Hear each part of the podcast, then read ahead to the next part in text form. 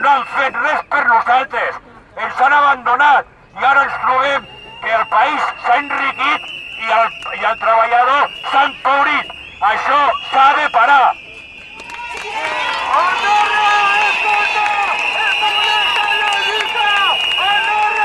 Esteu d'acord amb els salaris que teniu? No! Esteu d'acord amb el sistema electoral? No! Esteu d'acord amb les pensions que cobren els nostres jubilats? No! Esteu d'acord amb la pensió que cobrareu vosaltres? No! Doncs heu de seguir venint aquí cada vegada que hi hagi un plantejament que es produeixi, perquè només en tots nosaltres podrem fer més del que ara podem fer. I això és tot el que us volia preguntar. Gràcies.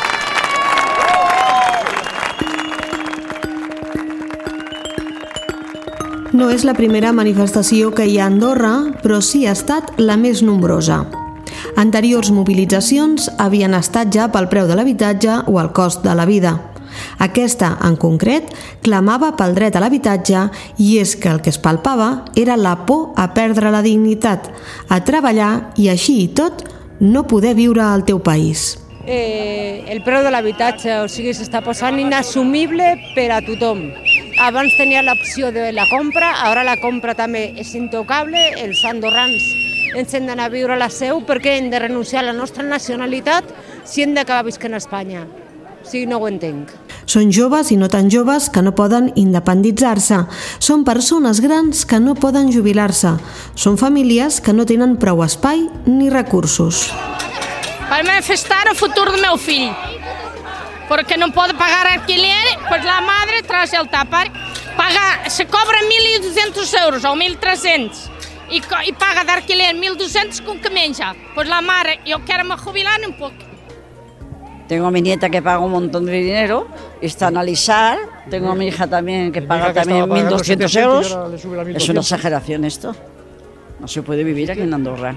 Soc funcionària, porto 30, 38 anys treballant a l'administració i tot i així, quan jo em jubili, he de marxar del meu país.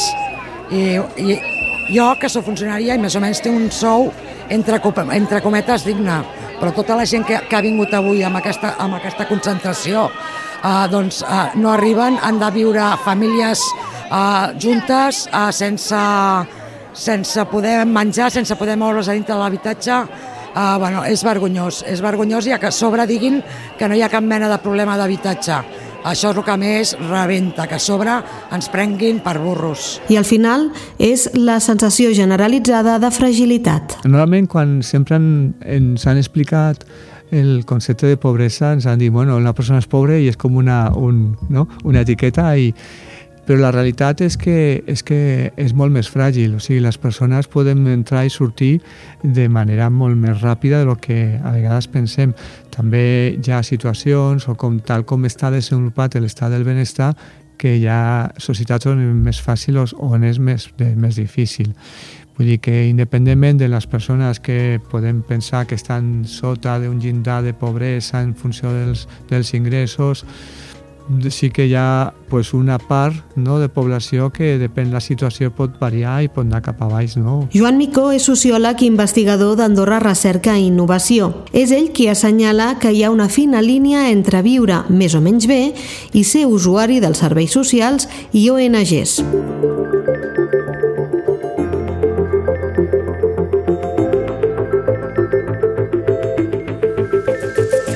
Hola, sóc l'Ester Pons i això és l'Altaveu a fons. Aquesta setmana parlem de la pobresa d'aquesta dècada.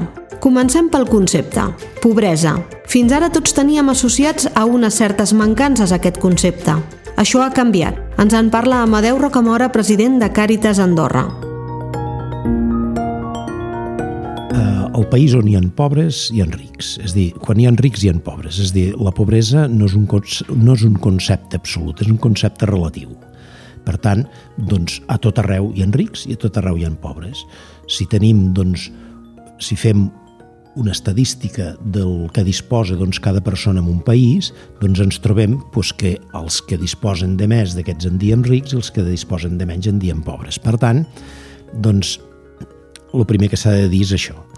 A partir d'aquí, què ens trobem en aquest país? Doncs més o menys ens trobem un panorama doncs, eh, diguem, un panorama que, que, que correspon a un país ric.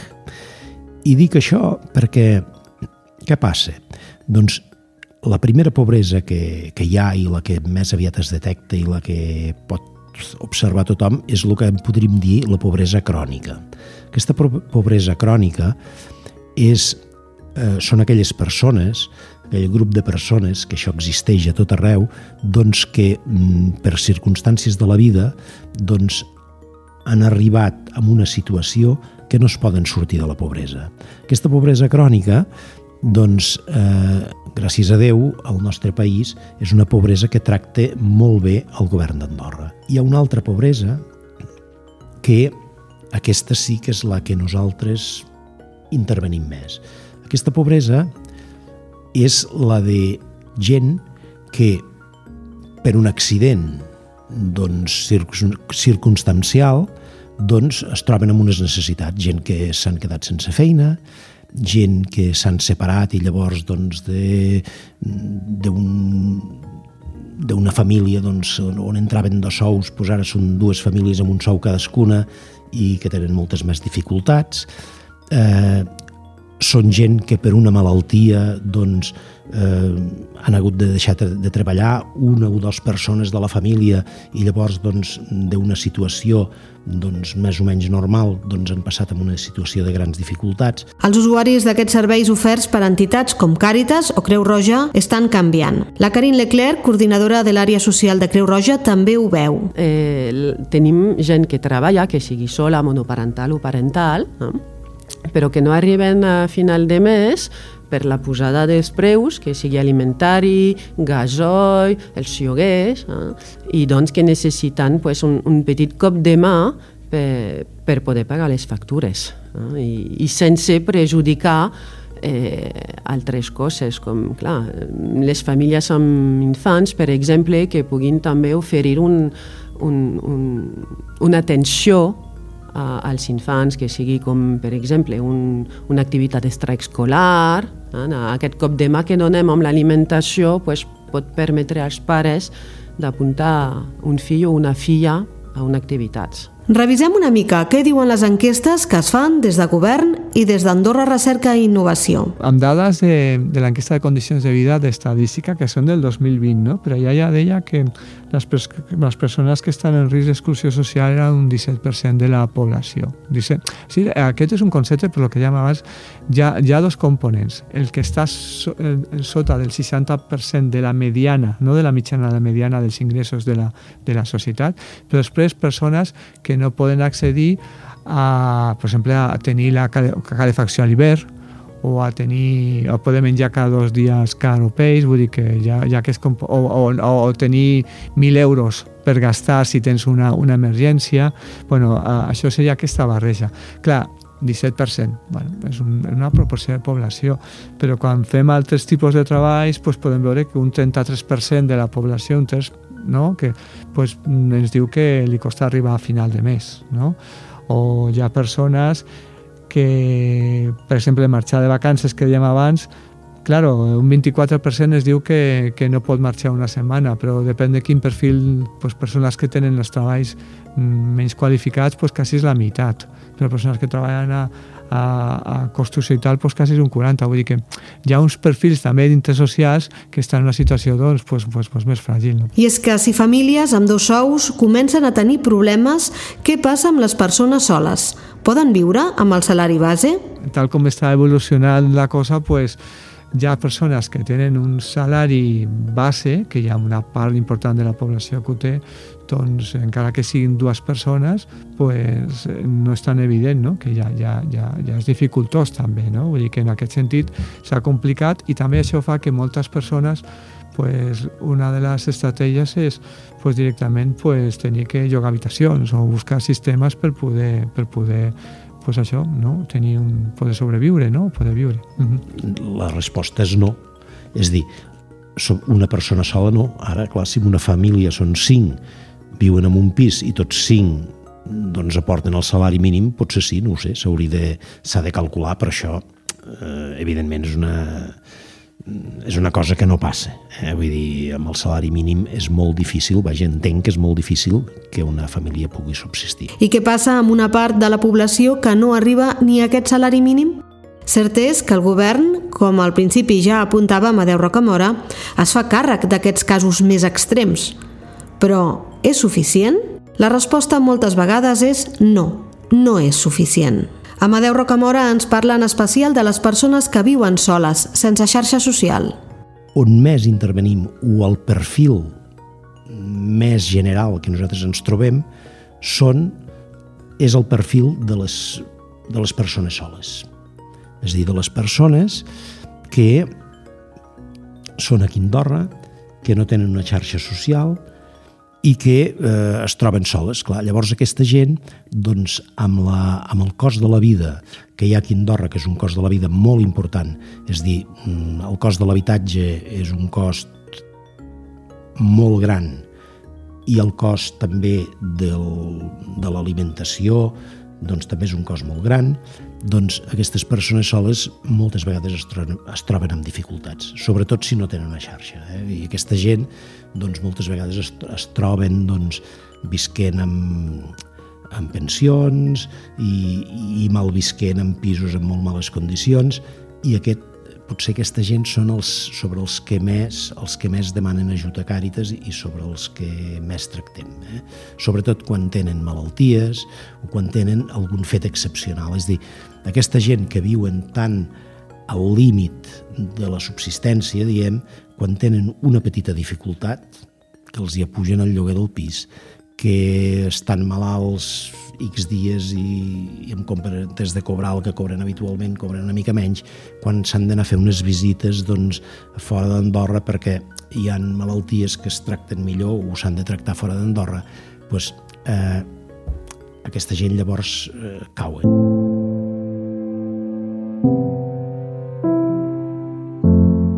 El Jaume, que escoltarem amb la veu distorsionada, ens exposa el seu cas. Ha treballat tota la vida, ara té 71 anys i sense l'ajuda de govern i la Creu Roja no podria viure. Tot va començar quan va haver de deixar de treballar per edat i qüestions de salut. Bé, la meva situació, doncs, amb 71 anys, amb problemes eh, de malalties, jubilat, amb una pensió molt petita, i gràcies a, a l'ajut que tinc de, de la Creu Roja puc arribar a, final de mes. Si no, no podria de cap manera perquè la, el que rebo amb les ajudes incorporades, amb les pensions, la pensió espanyola són 40 euros i la pensió andorrana són 340 euros. Vull dir, amb, 4, amb 380 euros mm, no puc viure. No cobro la pensió de solidaritat perquè, segons el govern, per arribar a cobrar la pensió de solidaritat me falten 15 dies de calendari. 15 dies. Per això no cobro la pensió solidària i tinc un ajut. Però la pensió solidària no me la donen perquè em falten 15 dies. I aquí estic batallant a veure de quina manera, doncs, perquè clar, eh, no arribo al, al salari mig interprofessional. No arribo, jo, jo és que no he arribat mai a aquesta situació, quan seria el mínim per poder viure entre comilles, perquè clar, la cistella de la compra que diguin que la inflació no ha pujat un 30% tranquil·lament, tranquil·lament, sense cap problema, i els diners són els mateixos. El lloguer també ha pujat. El gasoil de la calefacció no cal ni parlar-ho. Tot això suma que ho he d'assumir dintre de lo mateix que cobro. Qualsevol retard en l'arribada dels ajuts pot provocar un dalta baix en aquests casos. Bueno, quan amb ells els hi funciona bé, doncs fer el pago o fer les transferències, que normalment compleixen amb la data, però hi ha vegades que pues, bueno, pues, no arriba l'últim divendres de mes, que és normalment quan arriba, sinó que arriba al pròxim divendres. Clar, si m'arriba el dia 10 o el dia 12, a mi el dia 5 em passen el lloguer i em passen els seguros. Si m'ho retornen, estic mort. No és sempre, però passa. I, i a final d'any, normalment ens quedem en dos mesos eh, penjats que no, que no tenim accés a les ajudes per la raó que sigui que aquestes les sabrà govern, no les sé jo. El que sé és que, bueno, que mentre tanquin el pressupost o no tanquin el pressupost, sí que és cert que després et paguen retroactivament. Però, bueno, gener i febrer mm, què fem? Amb 400 euros què tinc que fer? Anar a parlar amb la immobiliària i aplaçar el pago del lloguer fins al març i després pagar-li els tres mesos de cop.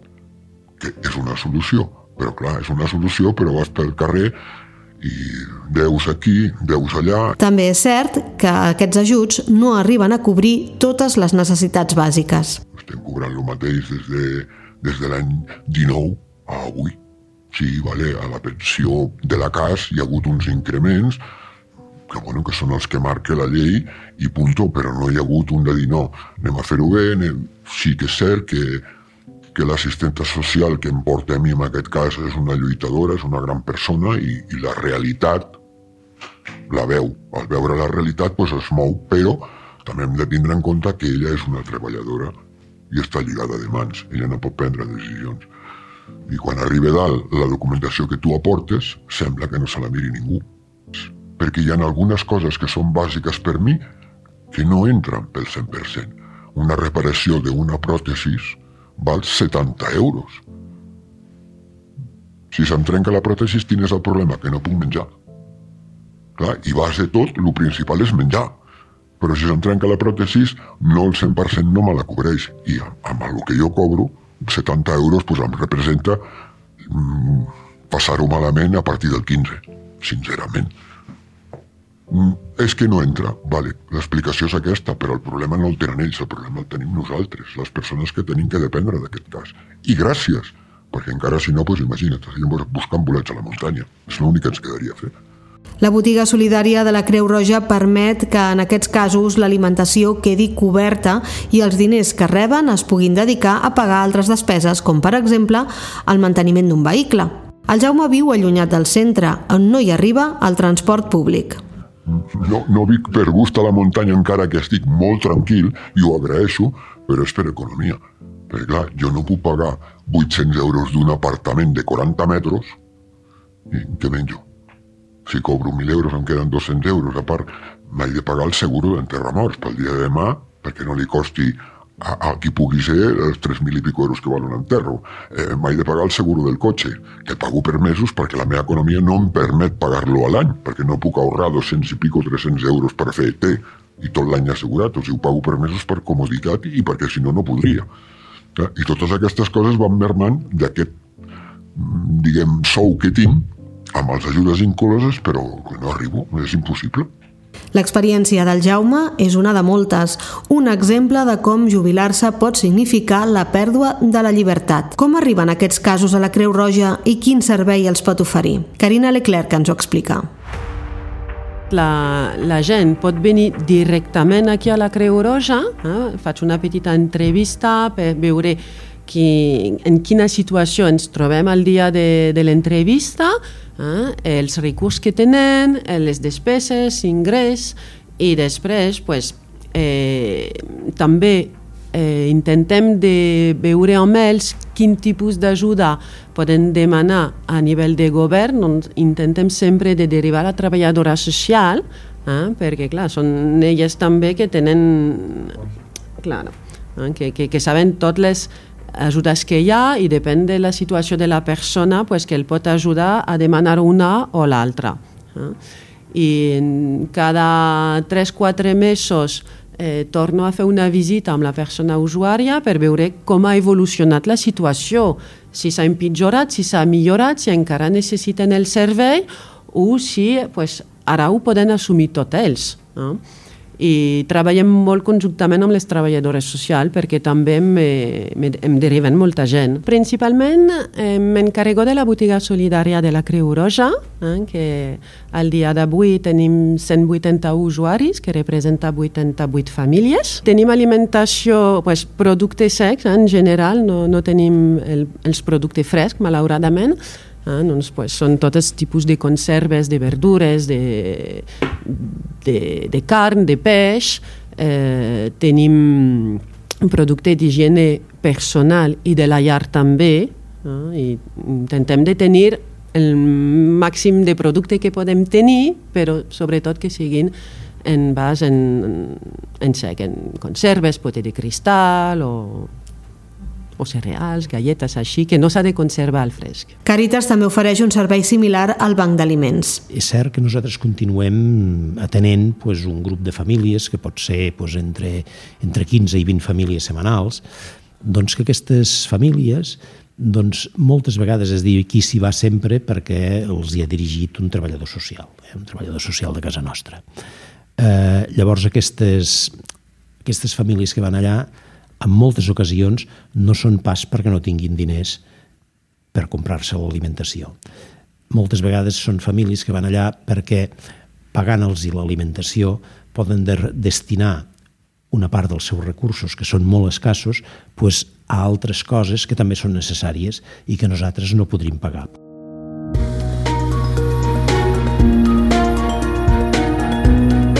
Entre uns i altres, les primeres necessitats o les necessitats més bàsiques estan cobertes. Però què passa amb la salut mental? Home, com no has d'estar malestar personal, sinó eh, que surto demà amb calçotets de casa, que no és el fet, perquè, bueno, roba, mira, ben bé gran, que no em mirin, m'és igual, vull dir, jo tinc que anar vestit, però, lògicament, ja no es tracta solament de la roba, sinó de mostrar les factures i dir, escolteu, és que jo no m'estic gastant els diners al bar amb carajillos o, o amb cubalibres, no, aquí teniu la factura de tal, la factura de qual, la factura de qual, factura... total em queden 200 euros per menjar.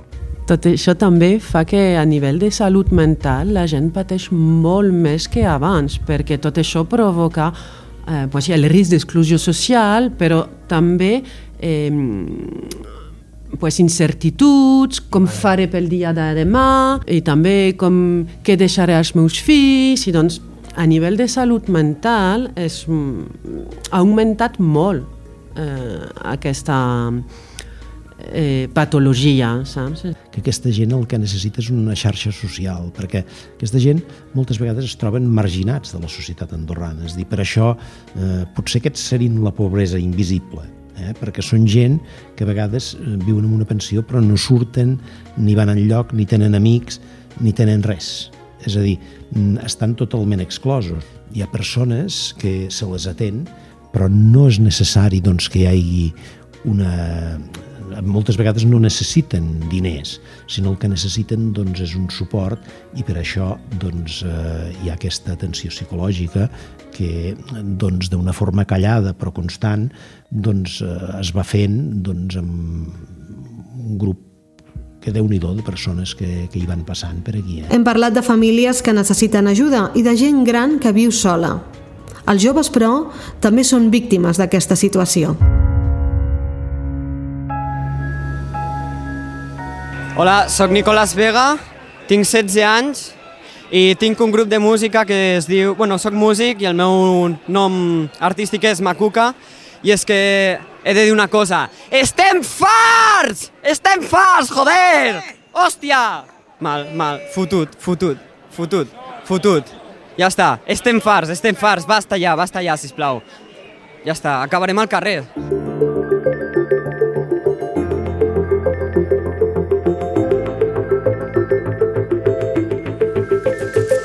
Això ha estat l'Altaveu a fons. Aquest episodi l'ha realitzat qui us parla, Esther Pons, amb la col·laboració dels companys de l'Altaveu Digital. Espero que us hagi agradat. La setmana vinent tornem amb més històries.